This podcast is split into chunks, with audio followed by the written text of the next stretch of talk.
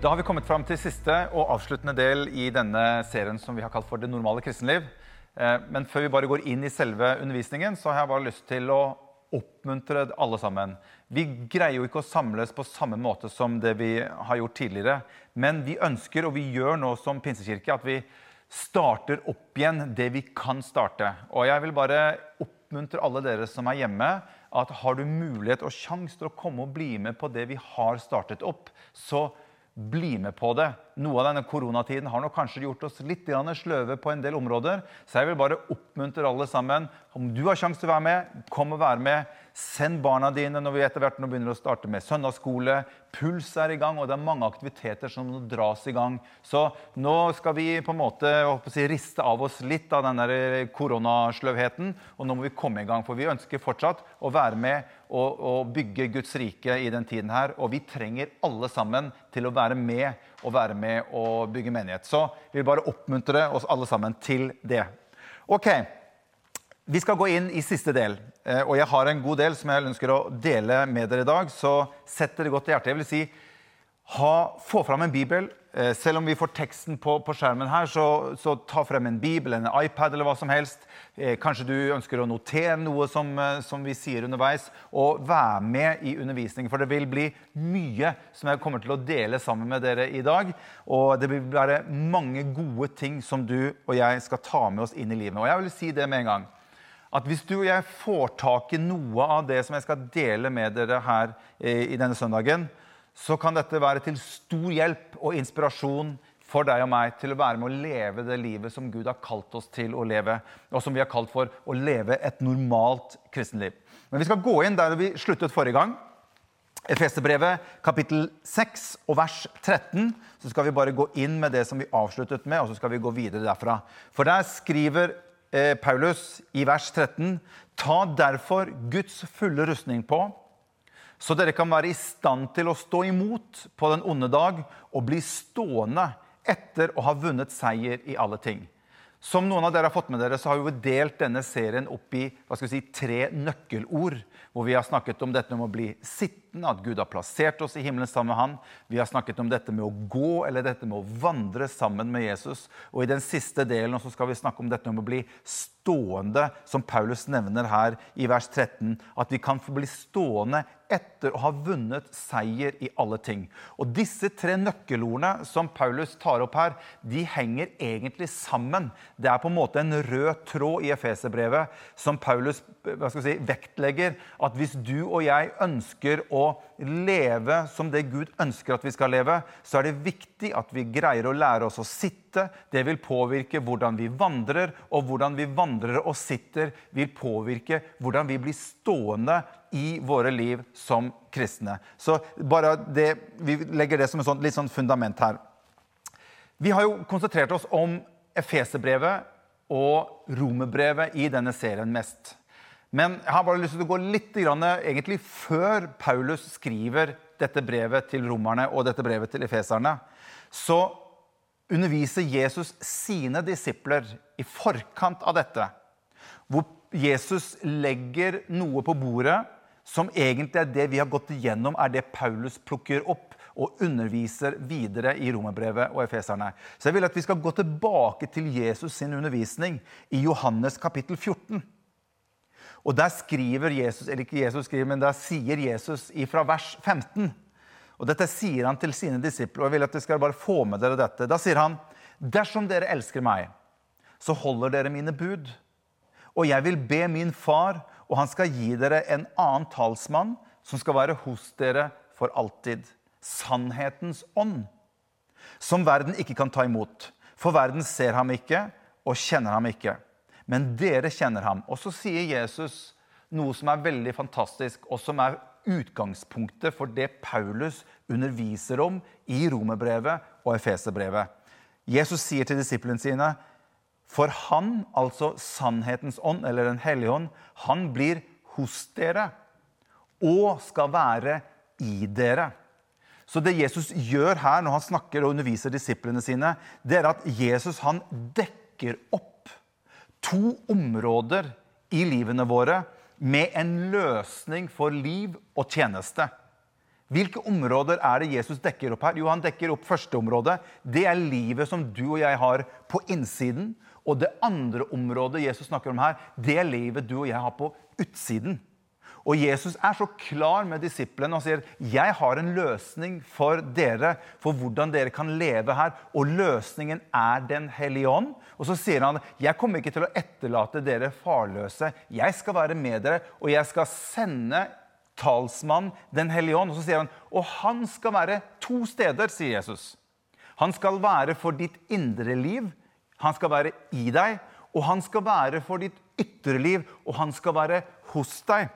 Og det er disse to sidene ved ditt og mitt liv som det egentlig er det Paulus tar tak i når han begynner å undervise i romerbrevet, og som det vi har sett i Efeserbrevet, med å sitte og vandre og bli stående, som vi skal snakke om i dag. Men løsningen hele veien fra Jesus begynner å undervise om dette, her, det er at det er Den hellige ånd som er nøkkelen. Så det som er umulig for oss mennesker, det blir mulig ved Den hellige ånd i og gjennom våre liv.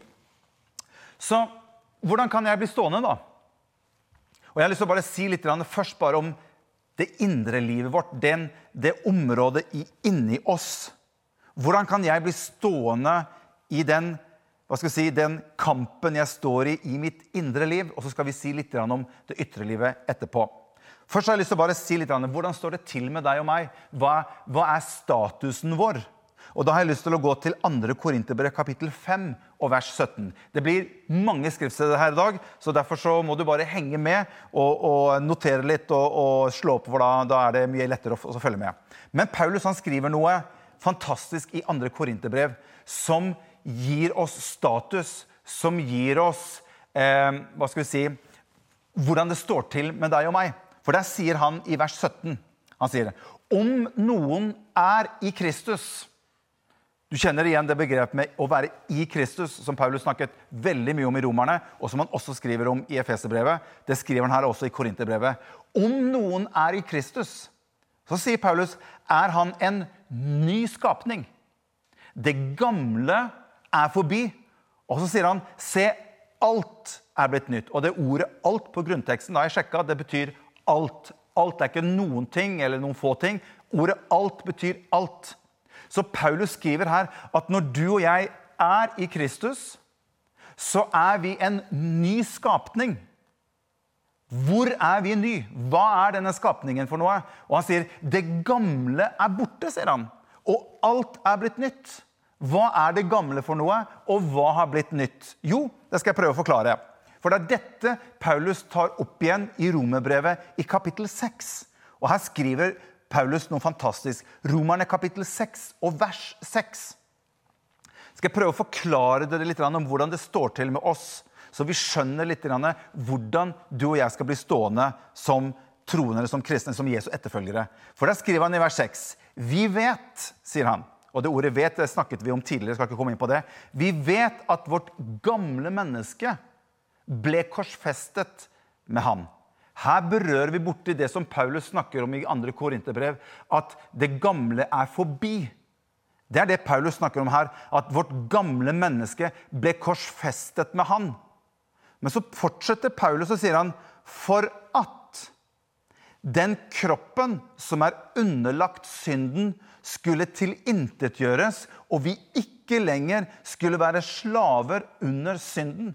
Det er to nøkkelord her som Paulus trekker fram i romerbrevet, hvor han skriver at han bruker ordet 'gamle menneske', og så bruker han ordet 'kroppen' rett etterpå. Og de to tingene er ikke det samme.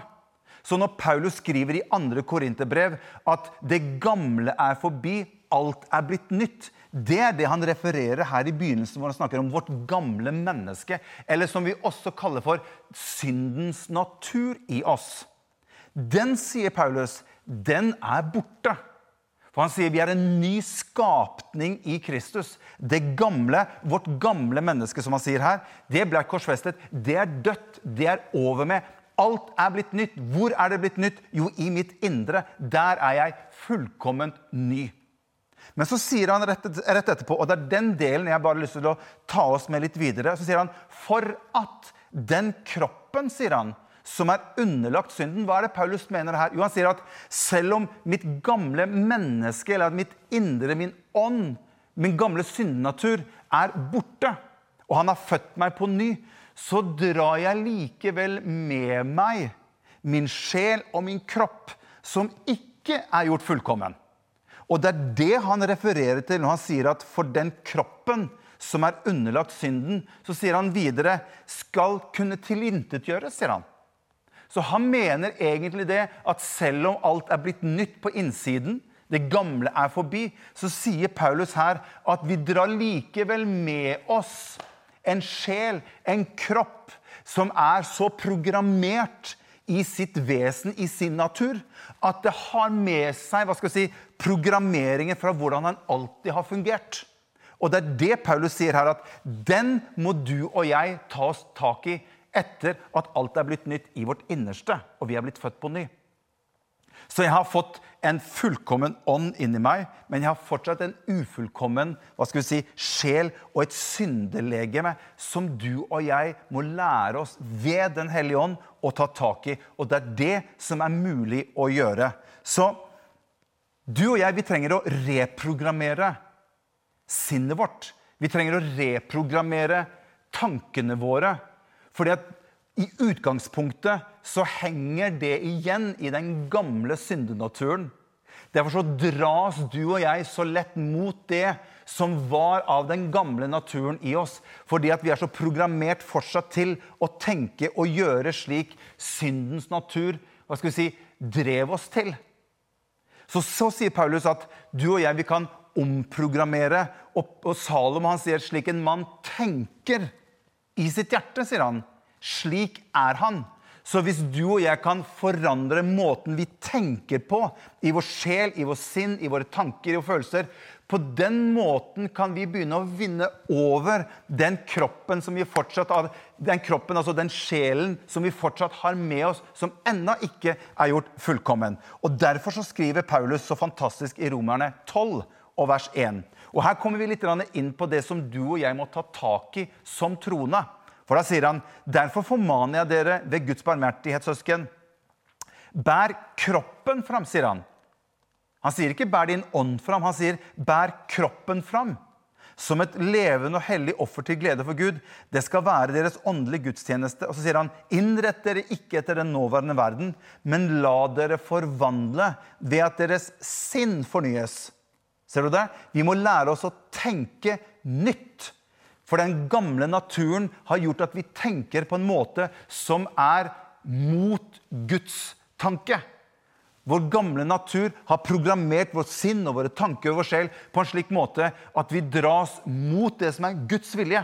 Derfor sier Paulus at vi kan fornye tankene våre, slik at vi begynner å tenke i henhold til hva Gud sier om oss i våre liv. Og det er det du og jeg som må gjøre med egen kraft. Det må du og jeg ta tak i. Ikke at du og jeg greier å forandre oss, men vi tar tak i det, og vi begynner å la oss forvandle ved at vår sinn fornyes. Så dere kan dømme om hva som er Guds vilje, det gode, det som er til glede for Gud, og det fullkomne. Og så skriver Paulus dette her er bra. Oi, oi, oi, dette er bra. Så skriver, Paulus noe fantastisk i Romerbrevet kapittel 8 og fra vers 1 dette må dere få med dere. Se hva som Paulus skriver her. For Paulus han er så overbevist om at Gud ikke har kalt deg og meg til å leve i nederlag, men Gud har kalt deg og meg til å kunne leve i seier hvis vi følger Guds prinsipp. Helt ifra Jesus sier at nøkkelen er Den hellige ånd. Og Der skriver Paulus noe, så sier han, så er det da ingen fordømmelse for dem som er i Kristus Jesus. Her kommer, her kommer dette med Kristus i Kristus Jesus i, i, på nytt igjen. Og så sier han videre for åndens lov, som gir liv, har i Kristus gjort deg fri fra syndens og dødens lov. Dette her, dette her har jeg lest om igjen og om igjen. Og jeg legger merke til at Paulus han legger inn et ord lov. Han sier, han sier åndens lov, og så kobler han det opp imot syndens og dødens lov. Hva er det Paulus egentlig vil si her? For Paulus kunne egentlig skrevet akkurat det samme og utelatt ordet lov. Han kunne skrevet at 'for ånden som gir liv'. Han kunne skrevet det. Har i Kristus Jesus gjort deg fri fra synd og død. Men han skriver 'for åndens lov som gir liv' har i Kristus gjort deg og meg fri fra syndens og dødens lov. Det ordet 'lov' her, det er det samme som vi tenker når vi snakker om, om, eh, om tyngdeloven. Eller graviditetsloven, som gjør at den fungerer i 100% av tilfellene. Den er sånn at Hvis jeg slipper denne bibelen her nå, så er det noe som heter tyngdeloven. Den vil gjøre at den bibelen her, den vil falle rett ned på bakken. Og det vil den gjøre alle ganger jeg gjør det. Det er bare en lov som er slik. Og Derfor så prøver Paulus å forklare at det fins en syndens og dødens lov som har på en måte fått lov til å regjere i våre liv ved syndens natur. Men så sier Paulus at nå kommer det inn en lov som er annerledes, som er åndens lov. Så Gud setter oss fri ifra en lov som alltid vil føre oss feil av sted, og som alltid vil ha samme, samme si, sluttresultat. Og så sier han at det fins en annen lov, åndens lov, som gir liv. Og den kan vi legge inn istedenfor at syndens og dødens lov skal ha makt i våre liv. Hvis ikke dette her er bra, så vet ikke jeg, men det her syns jeg er fantastisk, fantastisk bra. Men hør. Livet med Gud skjer jo ikke bare av seg selv.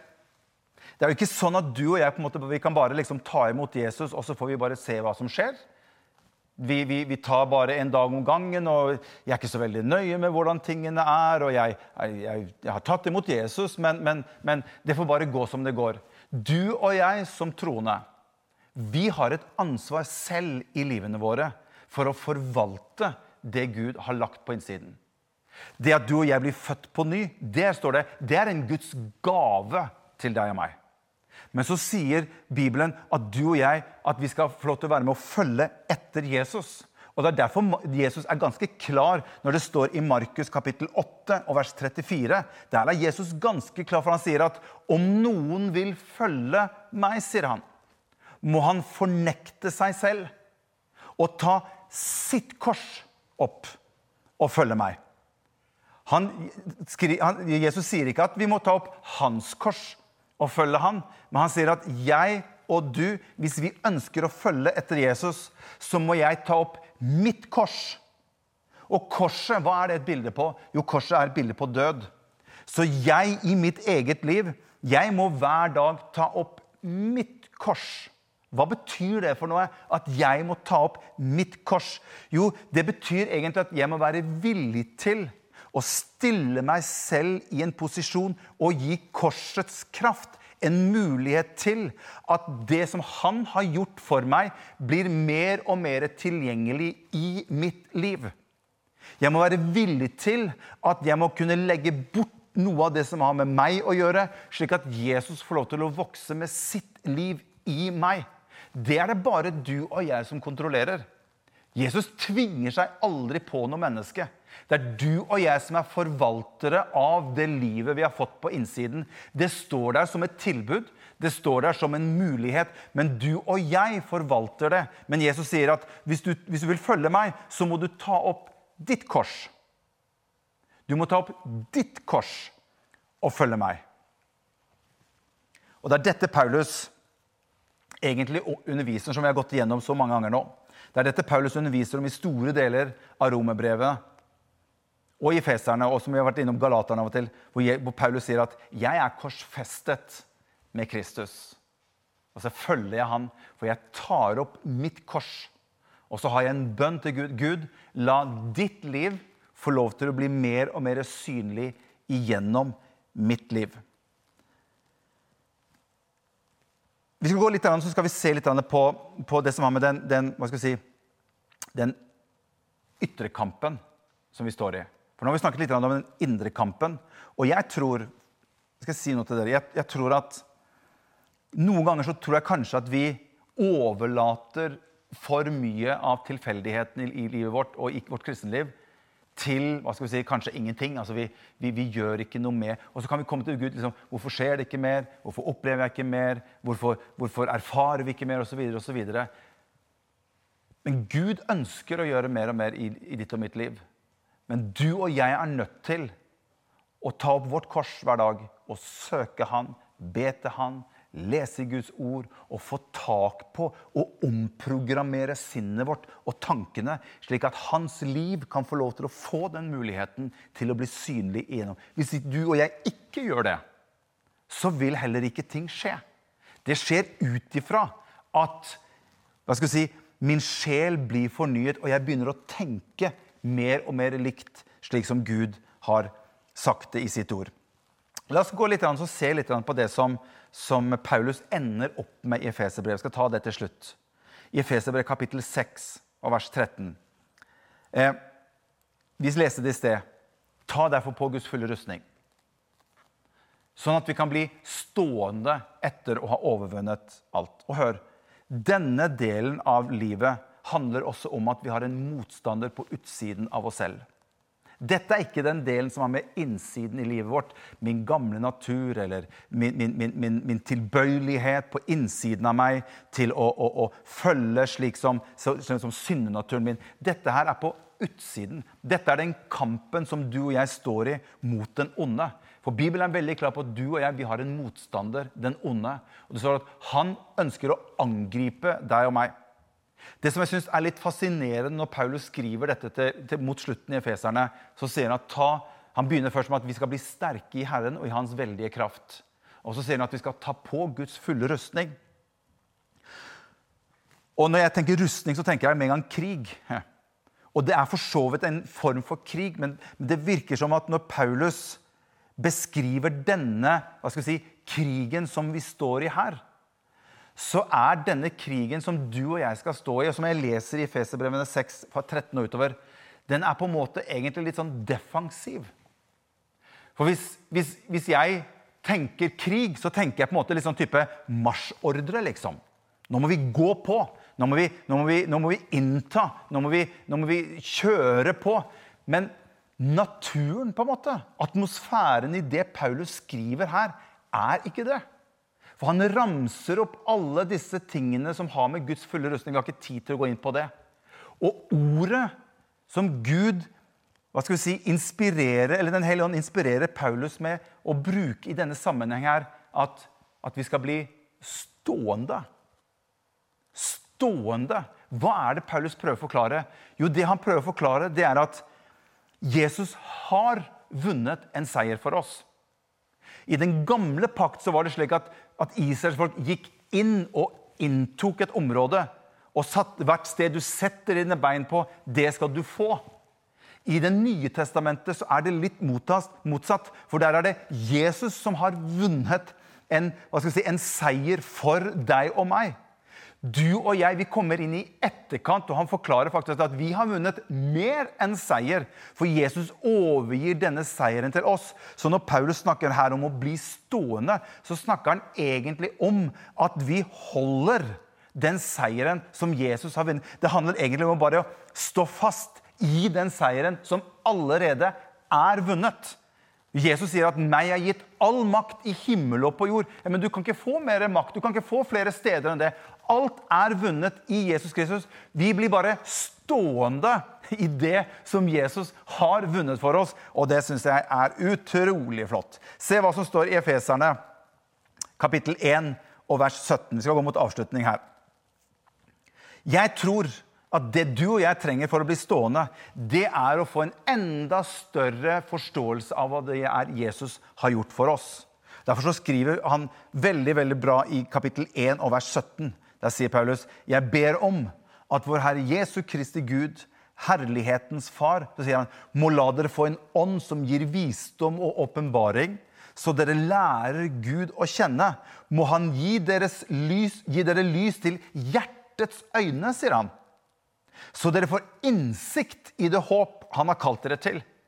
Så Paulus ber om at det, de øynene vi har i oss, at det begynner å se noe som Gud har tilveiebrakt for oss. Og ut ifra det, da kan vi bli stående, for da skjønner vi at han har vunnet en knusende seier. Og han har kalt oss til et liv hvor vi kan få lov til å bli stående i alle ting etter å ha overvunnet alt. Så dere får innsikt i det håp han har kalt dere til Hvor rik og herlig hans arv er for de hellige, og hvor overveldende kraft, hans kraft er hos oss som tror. Er ikke det bra? Det er jo fantastisk overveldende hans kraft er hos oss som tror. Men vi må få de indre øynene våre til å begynne å se det. Hva han har tilveiebrakt for oss, og hvor veldig hans kraft er for oss i våre liv sammen med Jesus. Det er derfor Jesus, Jeg tror ikke jeg har tatt det med på, på overskriften, men, men Jesus han sier at hvis dere blir i mitt ord, så er dere virkelig mine disipler. Sånn, da skal dere kjenne sannheten. Og sannheten skal sette dere fri. Eller sannheten skal gjøre dere fri. Jeg har bare lyst til helt til slutt, før jeg ber en bønn Mange av dere kjenner til denne kvinnen som hadde denne, blod, denne blodsykdommen. Den blodsottige kvinnen som, som uh, Bibelen snakker om. Hun hadde prøvd alt.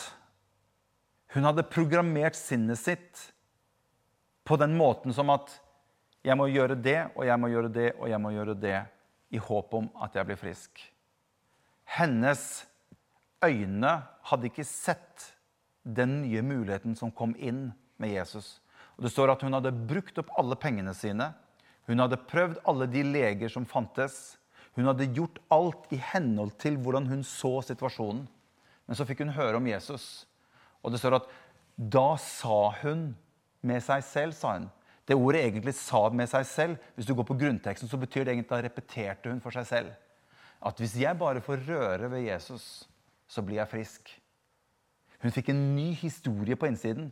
Hun fikk en ny fortelling på innsiden som gjorde at denne gangen så ble det en virkelighet i hennes liv. Det tror jeg at du og jeg kan leve ut ifra.